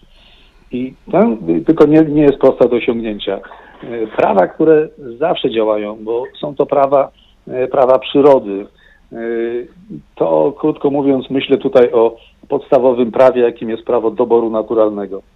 Jeżeli jest nisza, którą można wypełnić i ta nisza stwarza pewne warunki, nie chcę powiedzieć, że jest obiektem pożądania ta nisza, ale jest atrakcyjna i to wtedy w taką niszę wejdziemy. Jeżeli y, uczniowie, studenci, y, młodzież szkolna, czy nawet dzieci y, będą widziały to, że fizyka prowadzi do, do jakiegoś właśnie sukcesu w ich nie powiem w przyszłości odległej, bo to nigdy tak nie działa, ale wśród kolegów, w otoczeniu szkolnym, w najbliższej przyszłości, dla studentów już trochę dalszej przyszłości, bo umysły już są troszeczkę bardziej dojrzałe, chociaż jeszcze nie całkiem na, najczęściej, no to wtedy e, te mechanizmy działają i wtedy fizyka będzie e, e, przedmiotem pożądanym, którym się będziemy interesowali. No właśnie, ale Oczywiście gdyby, aby, no jakby się udało, panie, A, no panie aby. profesorze, po Tak. pierwsze, pan Jurek, bo ja muszę tutaj słuchaczom powiedzieć, bo państwo nie znają pana, pana Jerzego Jarosza, jest po prostu magiem, y, magikiem wspaniałych doświadczeń, pokazów, y, eksperymentów, no najrozmaitszych rzeczy, show, który robiliśmy 25 lat temu, cyrk fizyków, to całkowicie udowodnił, a potem jeszcze wiele, wiele innych spotkań, y, gdzie za każdym razem pan zaskakiwał widzów, odbiorców czymś zupełnie niezwykłym. Na, na pana wykłady te na mm, Uniwersytecie Dziecięcym to przychodzą setki, setki tych y, dzieci i wychodzą zawsze z rozdziawionymi buziami. No po prostu magik, sztukmistrz, nie wiem jak to jeszcze nazwać. Panie redaktorze, to jest właśnie ta jedna, jedna część, która nie jest niestety, jest może konieczna, ale niewystarczająca. Jest konieczna po to, żeby e, właśnie ta infekcja się e, rozszerzała i żeby zainteresować, żeby pokazać, że e, jest w tym coś interesującego, coś ciekawego. Ale jeżeli za tym nie idzie właśnie ta e, nagroda, która jest w przyszłości widziana wyraźnie, pragmatyczna niestety, bo no w tej chwili już nie mamy e, idealistycznego podejścia do swoich karier, no i może dobrze, no to wtedy ta fizyka przestaje być tym, tym czymś, czego ch- chcielibyśmy się uczyć i w czym chcielibyśmy zaistnieć. Stąd może też, ja powiem tak, że widać to chyba dość wyraźnie na, e, po naborze studentów na, e, na fizykę i na, no, na studia generalnie, nie tylko na fizykę, ale na nauki przyrodnicze. E, Jeżeli mamy nabór na czystą fizykę, czyli taka, którą, taką, która ma prowadzić do tego prawdopodobnie, żeby pozostać, zostać pracownikiem naukowym, pracować na uczelni, w instytutach badawczych czy w laboratoriach naukowych, to y, nabór na taki kierunek jest, y, mówiąc delikatnie, y, no niezbyt No liczny, słaby. Tak. słaby. No właśnie, jeżeli fizykę skojarzymy teraz z jakimś no, bardziej konkretnym zawodem, na przykład powiedzmy tak jak u nas w naszym uniwersytecie fizyka medyczna, co daje już takie bardziej skonkretyzowane możliwości i ta No panie Jurku, przepraszam, ale kiedyś pan profesor Naskręcki z Poznania zaproponował fizykę okularową i nagle się okazało, No że p- po prostu nie może przyjąć wszystkich chętnych, było po osiem osób na jedno miejsce. No po prostu niesamowity sukces, no ale to raz się udało. No właśnie. No właśnie, no nie, nie, nie, to nie, nie raz się udało, bo myślę, że z tego należy wyciągnąć taki wniosek, No właśnie, że właśnie tak. tutaj, tutaj działa dobór naturalny. Jeżeli widzimy, że jest taka nisza, możemy tę niszę zająć, jest to wyraźna, wyraźnie zarysowana Tak. opcja, no to działamy w tę stronę i pracujemy. Jeżeli to jest niewyraźne, może będę naukowcem, może nie będę, właściwie to nie wiadomo, co będę robił. No, co prawda będę miał wykształcony umysł, sprawny, ścisły i mogę iść do banku albo gdzieś indziej, ale, ale to, to, to już tak nie działa. W tej chwili naprawdę cel musi być wyraźny i musimy wiedzieć, do czego dążymy. To chyba jest przyczyną tego, że ten nabór na, na czystą, czystą fizykę jest niestety niezbyt liczny. Ale, no dobrze, ale panie, to- panie Mogę- doktorze, nie, nie, nie, ja jeszcze, ja, ja muszę panu przerwać, przepraszam, bo to fajnie Mogę jest, tylko tak. skomentować? No dobrze, tak, słucham. Przepraszam, już przeszkadzałem No tyle, dobrze, ale dobrze, dobrze, oczywiście, no. y, tu pan profesor Naskręcki został wspomniany i y, Tak. optyka okularowa, optometria. Ja chciałbym powiedzieć, że to dzięki niemu to się rozsiało po, y, po całej Polsce i między innymi na Wydziale Fizyki Uniwersytetu Warszawskiego też mamy optykę okularową, optometrię i to też jest właśnie sukces. Jak, dlaczego jest sukces? Bo jak się popatrzy na to, ilu mamy optometrystów w porównaniu z Wielką Brytanią czy Hiszpanią, no to mamy 10 razy mniej na, na mieszkańca, a niestety wzrok nam się pogarsza i coraz więcej Oj, tak. z nas potrzebuje y, y, doboru okularów przy użyciu najnowocześniejszych metod y, optycznych, komputerowych, y, takich, których, do których y, no, fizycy y, są przyzwyczajeni. Y, W związku No z tak. tym y, to jest właśnie coś takiego, co przyciąg- może przyciągnąć na wydziały fizyki. Ale ludzi, i pokazuje, że ta fizyka ma prawdziwe zastosowanie, że ona naprawdę czemuś służy bardzo konkretnemu i można, no i można z tego żyć. Ale przepraszam bardzo, panie profesorze, ja teraz wracam do pana to- profesora Jarosza, bo dajmy wreszcie szansę panu Jurkowi. Yy, Bo w jaki sposób uczeń na przykład z niewielkiego miasta albo jego rodzice mogą skorzystać z tego, że w Warszawie odbywa się, czy odbędzie się zjazd fizyków? Yy, No co nam wszystkim to przyniesie to celebrowanie tej setnej rocznicy powstania Polskiego Towarzystwa Fizycznego? Co na przykład, panie Jurku, w y, tym dziale dla, y, dla nauczycieli, co pan proponuje? Będzie jakieś coś ciekawego? Ci nauczyciele dowiedzą się czegoś? Pokaże pan coś ciekawego? Może pan zrobi taki jakiś wspaniały pokaz, który pan zamieści w sieci?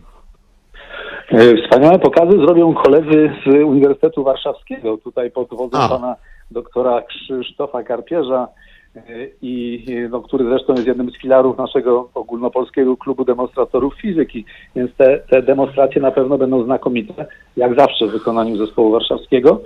Natomiast e, chciałem jeszcze wrócić na chwileczkę do tych zastosowań e, fizyki. Będzie E, też zespół z Lublina. Śląskim. tak, tak, tak, tak, no właśnie. To są, no właśnie, wymieniane są te zespoły, które są naprawdę znane i znakomite i i cie- cieszą się dużą, e, dużą, dużym szacunkiem no, całego środowiska. Natomiast jeszcze chciałem powiedzieć, że my na Uniwersytecie Śląskim również mamy e, optometrię i również y, święci sukcesy. No, nabór jest naprawdę lepszy niż na, niż na fizykę. E, I to jest chyba droga taka, żeby wskazać jednak taką, e, to co pan redaktor powiedział, e, praktyczne zastosowanie e, fizyki w, no, w różnych e, dziedzinach, e, w różnych e, warstwach, e, e, no nie tylko już może nauki, ale właśnie e, i przemysłu, i, i no, wręcz us- usługowych, choćby w medycynie czy w jakichkolwiek innych. I to wtedy powoduje, że rzeczywiście na fizyce, już nie takiej czysto, czysto teoretycznej, e, mamy studentów. Czy ktoś z nich y, zostanie później optometrystą, czy y, może nie, ale może y, właśnie tym bakcylem się zarazi, albo zacznie wykonywać takie prace, które doprowadzą go do Nagrody Nobla, bo naprawdę ta szansa zawsze jest, no tylko trzeba, no coś, coś trzeba robić. Jeżeli do tego uda nam się doprowadzić, no to na pewno będą sukcesy. No dobrze, ale panie, panie Jorko, przepraszam, bo pan właśnie zachęca młodych ludzi, pokazuje pan e, wspaniałe doświadczenia, e, ci młodzi ludzie trafiają na fizykę.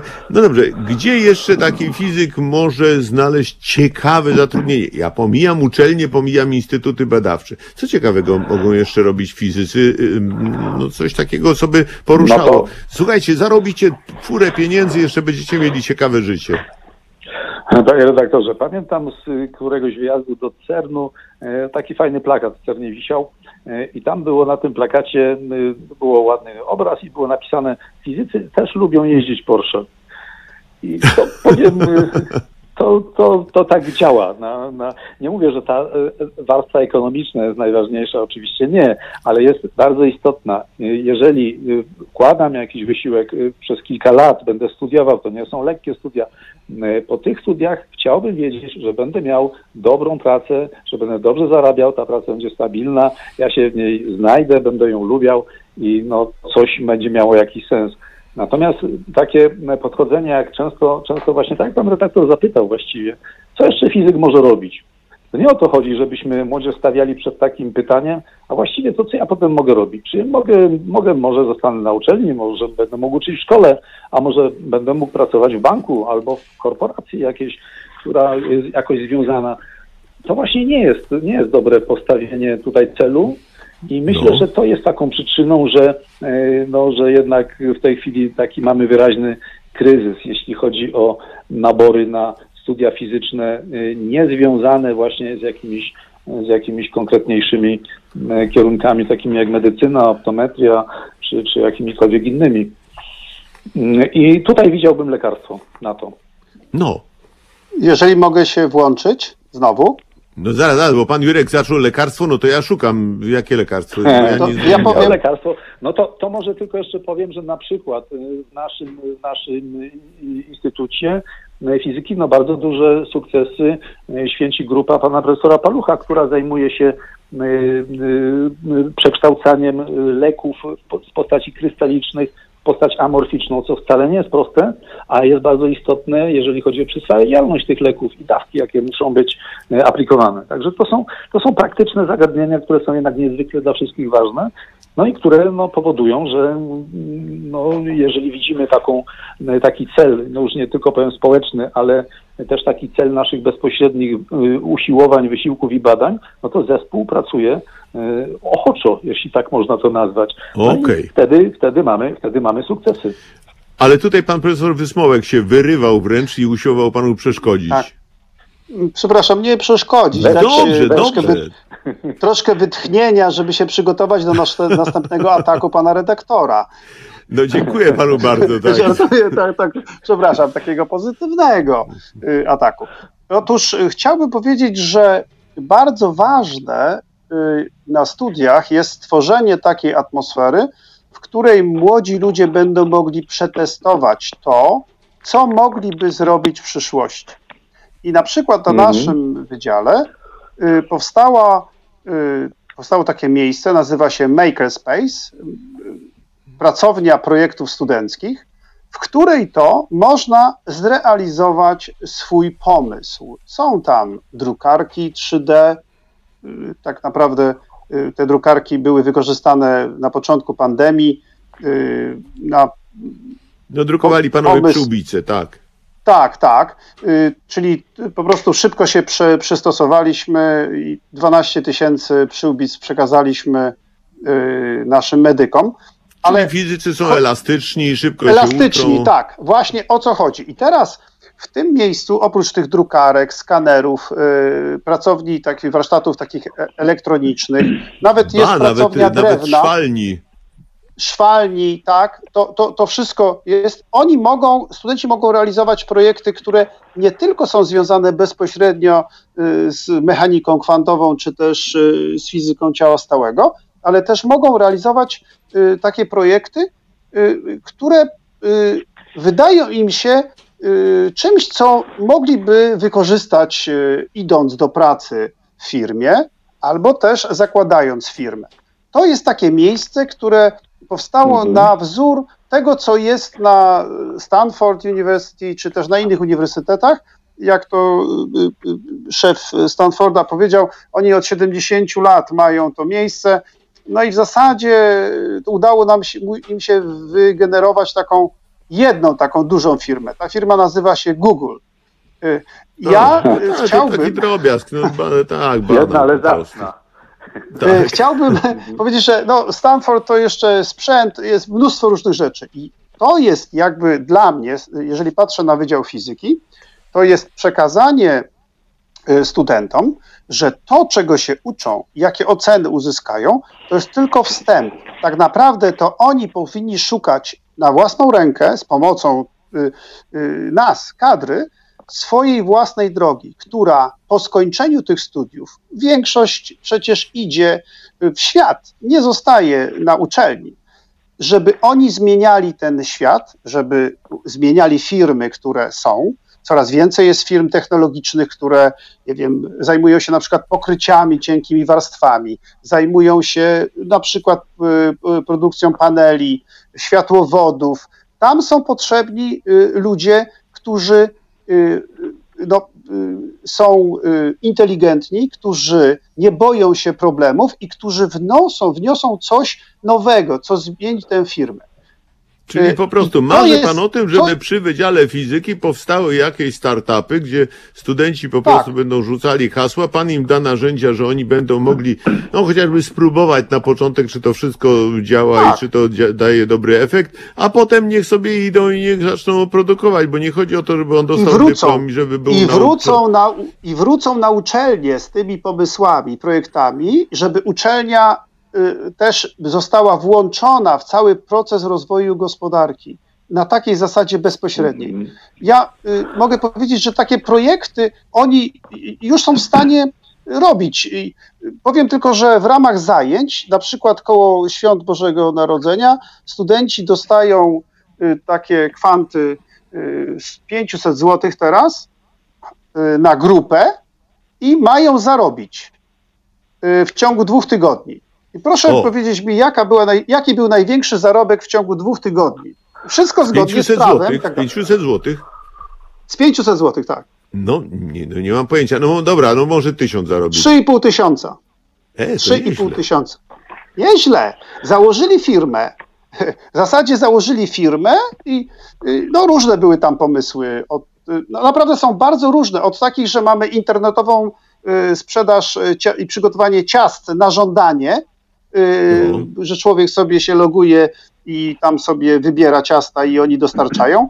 Y, Produkcji na drukarkach 3D nowoczesnych, y, y, nowoczesnej biżuterii. Taka firma Neko by Cat y, powstała i zarobiła tam, nie wiem, półtora tysiąca czy coś takiego, może nie najwyższy wynik, ale oni są kreatywni, bardzo kreatywni. Trzeba im y, pokazać, y, jak mogą znaleźć się w tym świecie, w tej dżungli, do której z uczelni trafią. Y, I uczelnia musi im dać możliwość y, pokazania, jak się to dzieje. Najciekawsze dla mnie było to, jak jestem i oglądam, jak oglądam y, jakby takie sprawozdania z tych projektów, było to, że po takiej akcji widać, którzy ludzie nadają się na takich liderów, nadają się do tego, żeby samodzielnie coś poprowadzić, a którzy mówią, nie, to nie dla mnie, ja chciałbym mieć spokojną pracę, w której będę wykonywał jakieś dobrze zdefiniowane zadania. I paradoksalnie, jak się robi ankietę przed i pyta się, ilu z, ilu z Was chciałoby robić biznes i tak jak tutaj pan profesor powiedział, zarobić sobie na Porsche, y, y, ilu takich jest, no to ta liczba y, przed, na początku jest, nie wiem, połowa, a potem zmniejsza się do 20%. No tak, bo wszyscy się orientują, że trzeba jednak zainwestować tutaj swój wysiłek. Już nie mówię o finanse, ale wysiłek. E, Może jeszcze jedną rzecz a propos zjazdu pozwolę sobie powiedzieć, no bo pan redaktor pytał, co z tego będą mieli y, Właśnie. uczniowie czy osoby gdzieś w odległych miejscach y, w Polsce, e, no, którzy no, nie przyjadą do Warszawy, bo z- no, z różnych względów. No ja myślę, że mogą mieć właśnie bardzo dużo z tego, e, no dzięki fizyce między innymi, e, e, czyli doskonałej w tej chwili komunikacji, jaką mamy. Zjazd będzie otwarty, każdy może przysłuchiwać się e, wykładom i obradom tego zjazdu, a więc jest taka szansa, jest taka możliwość, że któraś z tych osób, która w jakiś sposób dotrze do, do, tego, do tej informacji, że ten zjazd się odbywa i posłucha pewnych, pewnych słów, które będą tam padały, że zobaczy, że jest takie miejsce, które chciało, chciałaby ta osoba zająć i że może warto się temu poświęcić i że no, jest to pasjonujące, jest to ciekawe. Dlaczego nie? Sądzę, że to, to jest ważna tutaj rola zjazdu, e, bo z drugiej strony patrząc, wydaje mi się, że zjazd fizyków jest pewnym rodzajem święta rodzinnego. E, To jest zjazd osób, które kochają fizykę albo są fizyką Ale również chcą powiększyć tę rodzinę, panie doktorze. Ja, Tak, ja chcą powiększyć tę rodzinę, czyli właśnie chcemy, chcemy tego wirusa jednak, jednak transmitować, panie redaktorze. Jak A, no właśnie. I, I to jest właściwie piękne. Piękne zakończenie tego spotkania. Wobec tego życzę udanego zjazdu naszym słuchaczom i tym, do których ta informacja dotrze. Yy, To zachęcam, żeby zechcieli posłuchać, yy, włączyć się w ten zjazd. Na pewno można wiele skorzystać. Yy, Panom życzę, żeby się wszystko jak najlepiej udało, jak największej liczby widzów, słuchaczy, nie wiem jak to będzie się odbywało. E, Dziękuję bardzo za udział w tej dyskusji, w tej rozmowie, za to, żeśmy właśnie przegalopowali od historii do współczesności i jeszcze pokazali, jakie są niezwykłe możliwości fizyki. Dziękuję serdecznie Państwu, dziękuję słuchaczom, wszystkiego dobrego i e, do spotkania za tydzień w czasie kolejnych dwóch ciekawych godzin. Dziękuję bardzo. Bardzo Dziękujemy dziękuję, bardzo. do widzenia. Do widzenia.